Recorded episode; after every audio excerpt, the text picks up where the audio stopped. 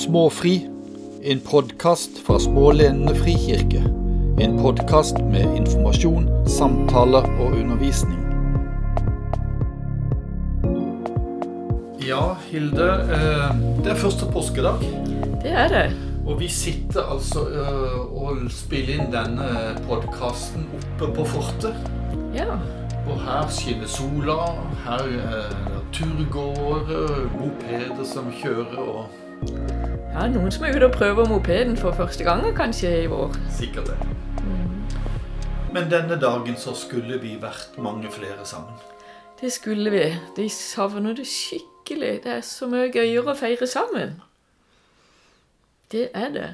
Og øh, hvis, hvis dere kommer opp her på fortet og til Frikirka, så vil dere utenfor se utsagnet 'Kristus er oppstått' på mange forskjellige språk.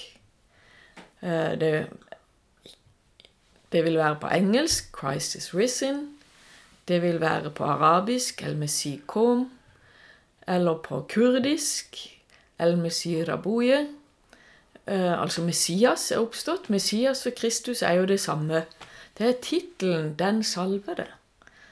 Eh, og påvirka av disse andre språkene så sier vi òg på norsk 'Kristus er oppstått' som en påskehilsen.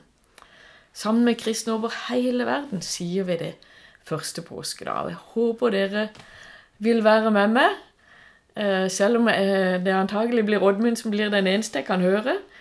Oddmund Køhn, så håper jeg dere er med og sier det hjemme hos dere selv, eller om dere er ute og går tur og hører podkast, eller hva det er. Kristus er oppstått. Ja, han er sannelig oppstått. Det er godt å gi det. Det er en glede å kunne si.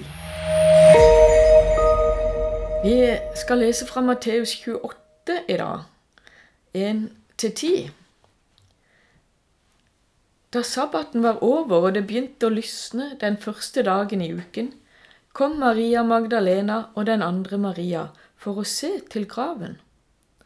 Med ett ble det et kraftig jordskjelv, for en Herrens engel steg ned fra himmelen, gikk fram og rullet steinen til side og satte seg på den. Han var som et lyn å se til, og drakten var hvit som snø. Vaktene skalv av redsel da de så ham, og de ble liggende som døde. Men engelen tok til orde og sa til kvinnene, Frykt ikke, jeg vet at dere leter etter Jesus, den korsfestede. Han er ikke her, han er stått opp, slik som han sa. Kom og se stedet hvor han lå.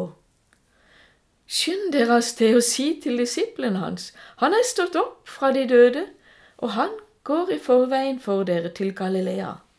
Der skal dere få se ham. Nå har jeg sagt dere det. Da skyndte de seg bort fra graven, redde, men jublende glade, og de løp for å fortelle det til disiplene. Og se, Jesus kom mot dem og sa, Vær hilset. De gikk fram og omfavnet føttene hans og tilba ham. Jesus sa til dem, Frykt ikke, gå og si til mine brødre at de skal dra til Galilea, der skal de se meg. Hellige Gud, himmelske Far, hellig oss i sannheten, ditt ord er sannhet. Av og til er det å preke første påskedag et litt drøyt stykke, når sinnsstemninga ikke er helt på plass. Men så kan det faktisk være et evangelium i det. Det går an å preke første påskedag, selv om en er lei seg eller urolig. Kanskje kjenner du deg òg litt urolig denne påskedagen. Men påskegleden, den er ikke avhengig av min sinnsstemning. Den handler om møtet med Jesus. Jeg må minne meg sjøl om ting jeg har sagt før. Hver gudstjeneste møter mennesker Jesus. Det skjer av nåde hver gang vi samles om Guds ord. I dag kan dere som bor sammen med noen, samles om Guds ord. Og kanskje kan noen av dere som bor alene, òg finne noen å, å være sammen med og dele Guds ord. På vei bort fra grava får Maria Magdalena og den andre Maria møte Jesus.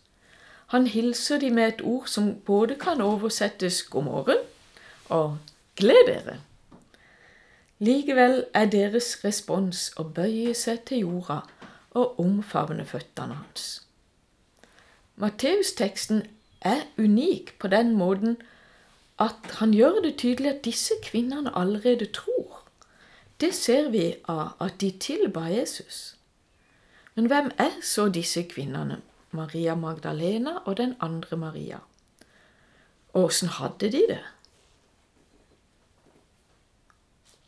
Vi ser av evangeliene at da Jesus dro omkring og forkynte, så var det også noen kvinner med han.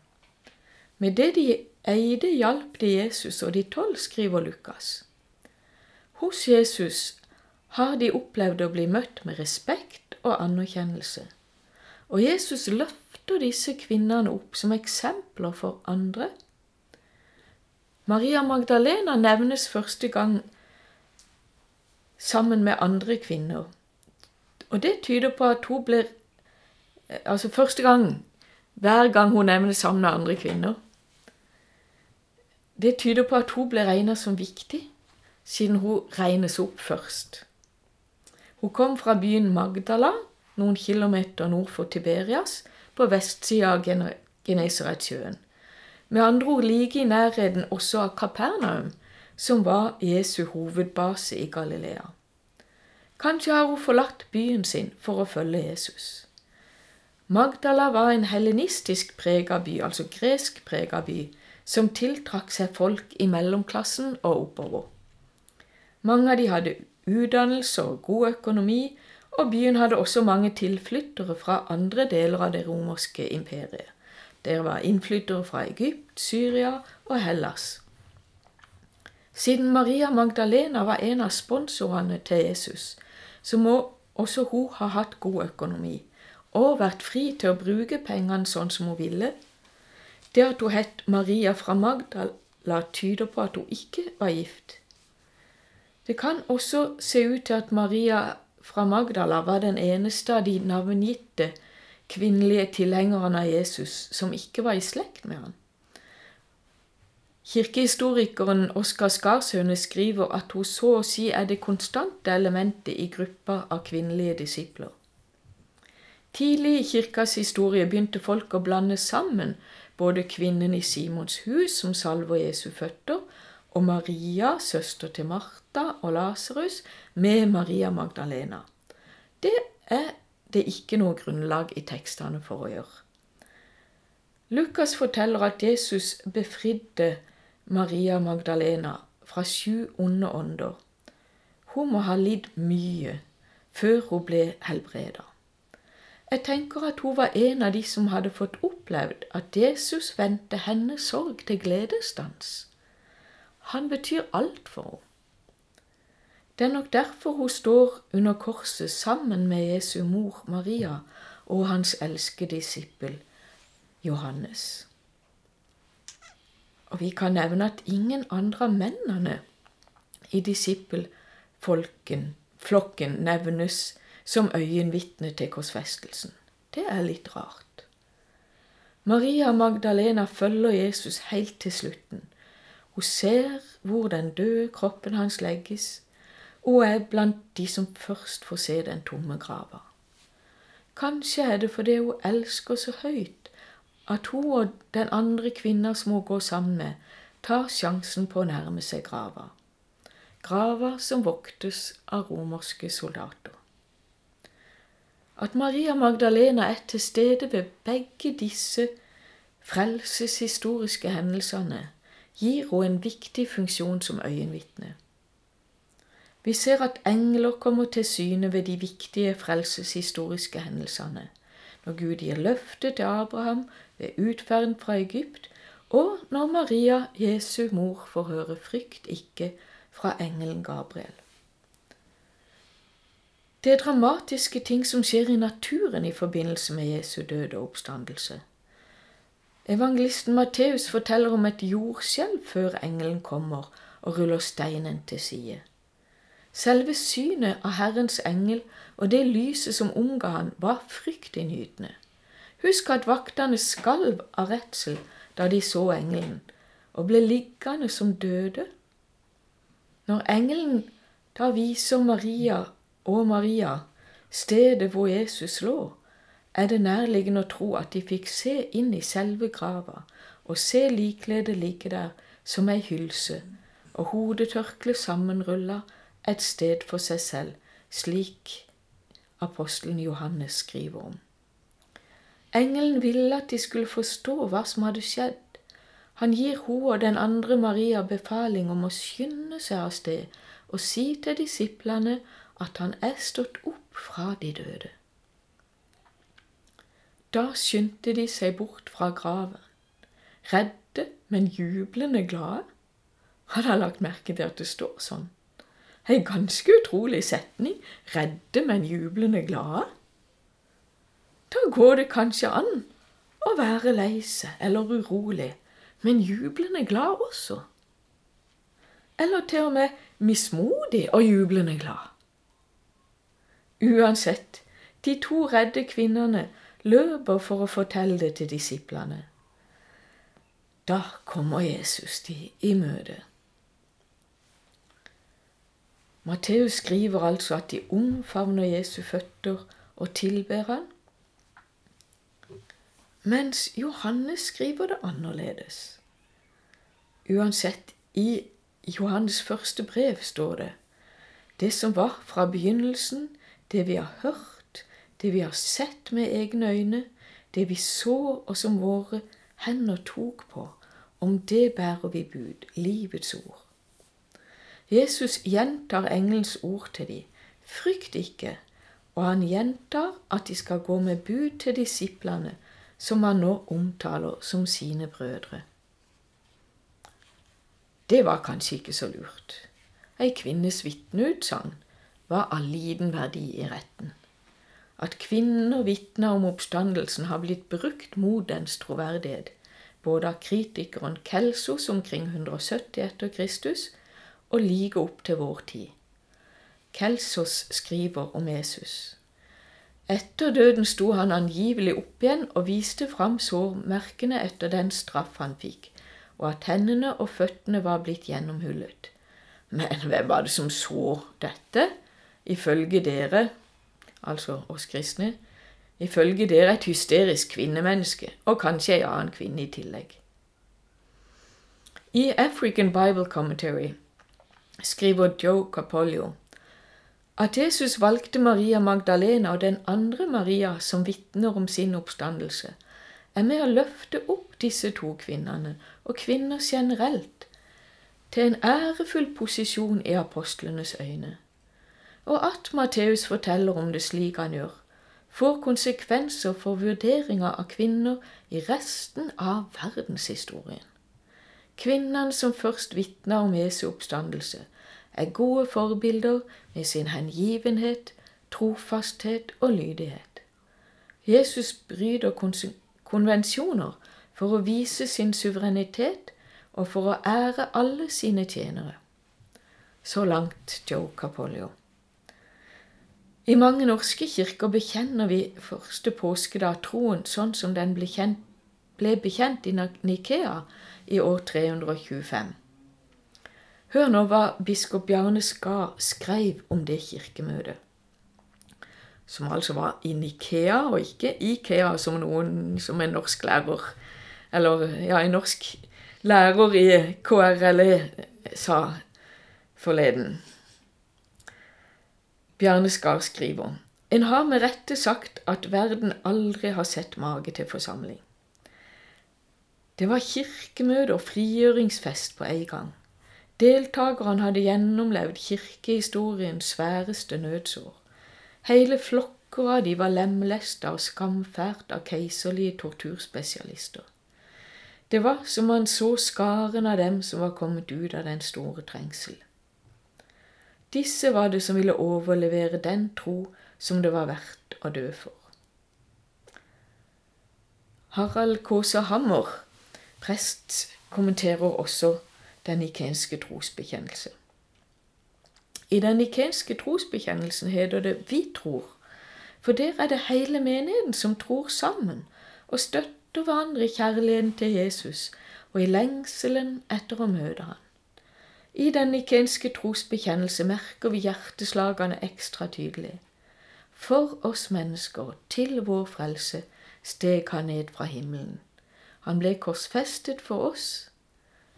Vi venter de dødes oppstandelse, et liv i den kommende verden.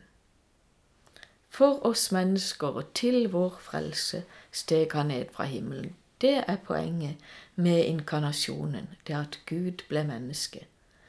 Hvis Jesus ikke var sant menneske, kunne han ikke representere oss. Paulus ord om Jesus som den nye Adam ville ikke gitt noen mening. Stedfortredende soning kunne vi heller ikke snakke om. På den andre side, hvis Jesus ikke var sann Gud, ville han ikke kunne levd det livet vi skulle levd. Han ville ikke vært noe lydløst offerlam, og han ville ikke ha seira over synd, død og djevel. Han ville heller ikke kunne vist oss hvem Gud er. Og ordet ble menneske og tok bolig iblant oss, og vi så Hans herlighet, den herlighet som den enbårne sønn har fra sin far, full av nåde og sannhet. Gjør som Gud, bli menneske. Det var tittelen på ei bok som en tidligere kollega av meg, Stefan Gustavsson, har skrevet. Sann åndelighet tar oss ikke bort fra kroppen, sansene, fornuften eller den ytre verden. Som kristne kan vi glede oss over kroppen, ta sansene med i det åndelige og vite at jorda ble skapt som et godt sted for oss å bo. Åndelighet som en bevegelse bort fra denne verden møter oss i mange andre livssyn og religioner. Inkarnasjonen, det at Gud ble menneske, er det ultimate ja til kroppen og det fysiske. Ei dame som hadde vært innom diverse nyreligiøse retninger, hadde begynt å gå på gudstjenester. Hun deltok gjerne i liturgien, også trosbekjennelsen, men det var ett ledd hun ikke kunne istemme. Det gjaldt legemets oppstandelse. Bibelen er tydelig på at Jesus sto opp legemlig. Den kroppen han fikk etter oppstandelsen, er annerledes. Ja, men det er en kropp. I den teksten vi nettopp har lest, står det at kvinnene omfavna føttene hans. Det kan en ikke gjøre med en ånd. Seinere ba han disiplene om å få noe å spise, kanskje for å gjøre det tydelig at han ikke var noe gjenferd. Den foreninga av guddommelig og menneskelig som skjedde da Sønnen tok på seg et menneskes skikkelse, fortsatte uavbrutt etter oppstandelsen. Guddommelighet og menneskelighet er for alltid forent i Jesus, skriver Gustavsson. En sånn bekreftelse av menneskets storhet og høyhet finnes det ikke magen til i noe annet livssyn. Det er det Gustavssons boks, eh, boktittel sikter mot at vi skal si ja til det menneskelige like reservasjonsløst som Gud har sagt ja til det, gjennom å bli menneske. En kristen er kalt til å elske livet og elske verden, til å være den mest livsbejaende av alle. Elsker du Gud, da elsker du det livet han har gitt, og den verden han har skapt. Jesus var ingen fremmed. Han kom til sine egne, skriver Johannes. Han var den andre Adam, menneske med stor M. Menneske sånn som vi er kalt til å være det. Derfor er Jesus den som kan lære oss å leve som sanne mennesker. I min oppvekst hørte jeg ofte sangen Hvem kan lære meg å leve? Og så var det forskjellige spørsmål, og svaret var at det var Jesus. På korset beseira Jesus alle de destruktive kreftene som truer både mennesket og naturen. Det var der han skaffa oss borgerrett i himmelen, i den nye jorda, den nye himmelen, og la grunnlaget for at han en gang skal forvandle vår skrøpelige kropp og gjøre den lik den kroppen han selv har i herlighet. Det var et kosmisk drama som utspant seg i og utenfor Jerusalem, da vår Herre Jesus led og døde i vårt sted og sto opp påskemorgen. Det var mørke, jordskjelv. Og det er et kosmisk håp, sier Herren brakte oss. Guds frelsesplan gjelder hele oss, og den gjelder naturen, som lengter etter den dagen Guds barn skal bli satt fri. Gud vil fullføre sin plan. I tidens fylde vil han sammenfatte alt i Kristus, alt i himmel og på jord. Ære være Faderen og Sønnen og Den hellige ånd, som var, er og blir en sann Gud fra evighet og til evighet. Amen. Takk skal du ha, Hilde. Um godt å høre på en eh, første påskedag. Og så var du inne på dette med at Jesu oppstandelse det var en, eh, det var en legemlig oppstandelse. Og jeg tenker på Paulus. Han sa det jo sånn at uh, men er ikke Kristus stått opp, da er vårt budskap tomt. Ja. Og vår tro er uten mening. Ja. Men eh, vi tror at Kristus er stått opp. Vi har opplevd det i våre ja. liv. Så, Nettopp. Så vår to, den, den, har mening. Ja. Livet vårt har mening. Det har han.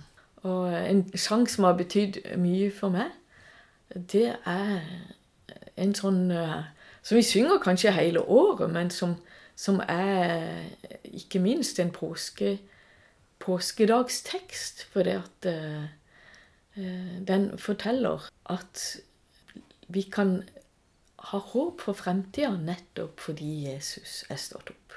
Because he lives, mm, I stemmer. can face tomorrow.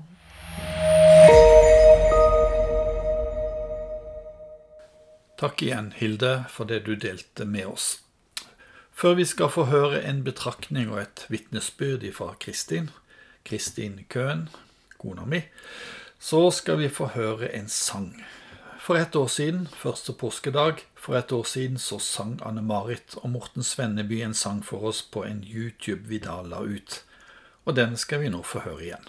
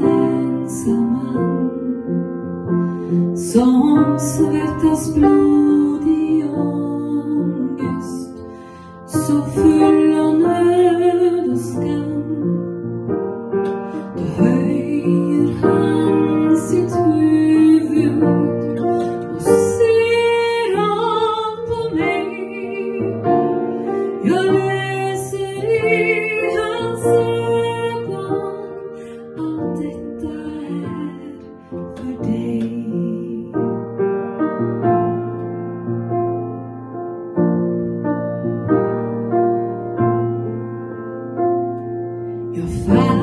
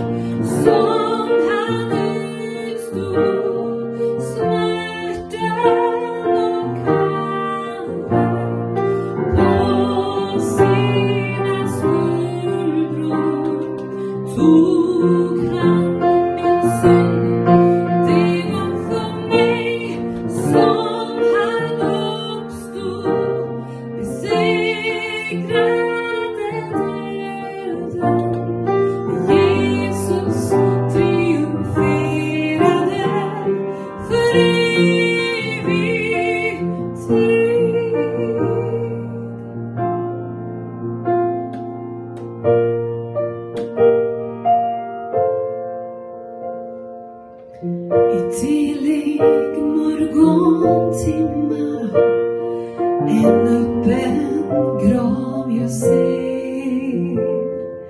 I det dunkla mörkret finns Mästaren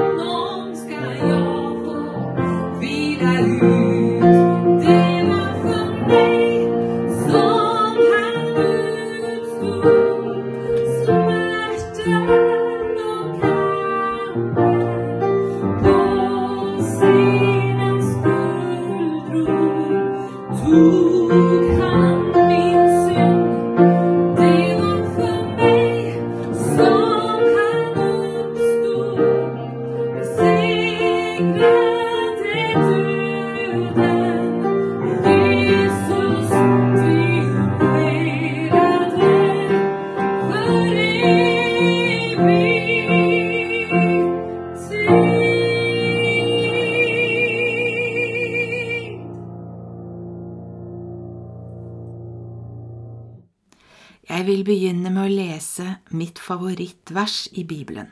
Det står i Hebreerne 10,19. Så har vi da, søsken, frimodighet ved Jesu blod til å gå inn i helligdommen, dit Han har innviet en ny og levende vei for oss, gjennom forhenget som er Hans kropp. Inn i helligdommen kunne ypperstepresten gå én gang i året, inn i Guds hellige nærvær, men bare etter at offerlammet var slaktet. Dette forhenget revnet da Jesus, Guds offerlam, ble korsfestet, og Jesus åpnet veien tilbake til fellesskapet med Gud og Guds nærvær. Dette var Guds hensikt og lengsel, tror jeg, at han døde for oss for at vi, enten vi våker eller sover, som det står skrevet, skal leve sammen med ham og ha en daglig vandring sammen med Herren. Jeg tenkte på at etter Adam syndet, sa ikke Gud Adam, hva har du gjort? Derimot sa Gud, Adam, hvor er du?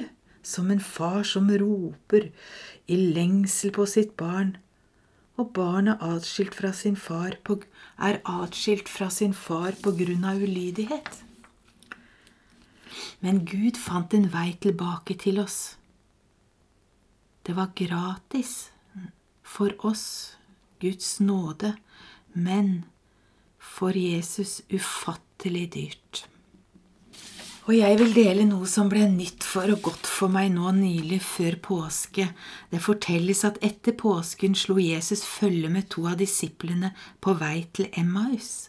De hadde mistet all tro og håp etter at Jesus ble korsfestet, og de gjenkjente ikke Jesus. Men han åpnet skriftene for dem og viste dem alt som sto om ham i GT, helt fra Moses. Jeg syns det var fint å lese at Jesus møtte den enkelte etter oppstandelsen der de var og slik de trengte det, og disiplene ble fylt av nytt håp og ny glede. Men så leste jeg om Moses, som ble kalt av Gud til å føre Israel ut av Egypt. Ved Moses fikk de loven, de ti bud, og Gud er hellig, så synd måtte sones. Og så kom eh, ordningen med ofringene og tabernakelet. Men hva var hensikten? Hvorfor? Jo, det står i andre Mosebok 2948 noe som jeg syns var så fint. Det står 'Herren ville bo midt blant israelittene og være deres Gud'. De skal få kjenne at jeg er deres Gud, som førte dem ut av Egypt, for å ta bolig midt iblant dem. Jeg er Herren deres Gud. Guds påtakelige nærvær midt blant israelittene i ørkenen som en ildstøt om natten og en skystøyl, søyle om dagen. Og det står at tabernakelet lå i midten og rundt. Tre stammer nord for tabernakelet, tre stammer sør, tre stammer vest for tabernakelet og tre stammer øst. Et nydelig bilde å peke fram mot Jesus som banet en vei for oss like inn i Guds nærvær og tilbake til Guds nærvær, hvor vi kan ha en daglig vandring sammen med Herren. Og gjennom påskebudskapet får vi et innblikk i Guds ufattelig store hjerte og hans kjærlighet til oss. Og i Johannes 3, 16 står det jo at For så høyt har Gud elsket verden at han ga sin sønn den enbårne for at hver den som tror på ham, ikke skal gå fortapt, men ha evig liv. Da står det bare igjen å ønske dere alle sammen en god, velsigna påske.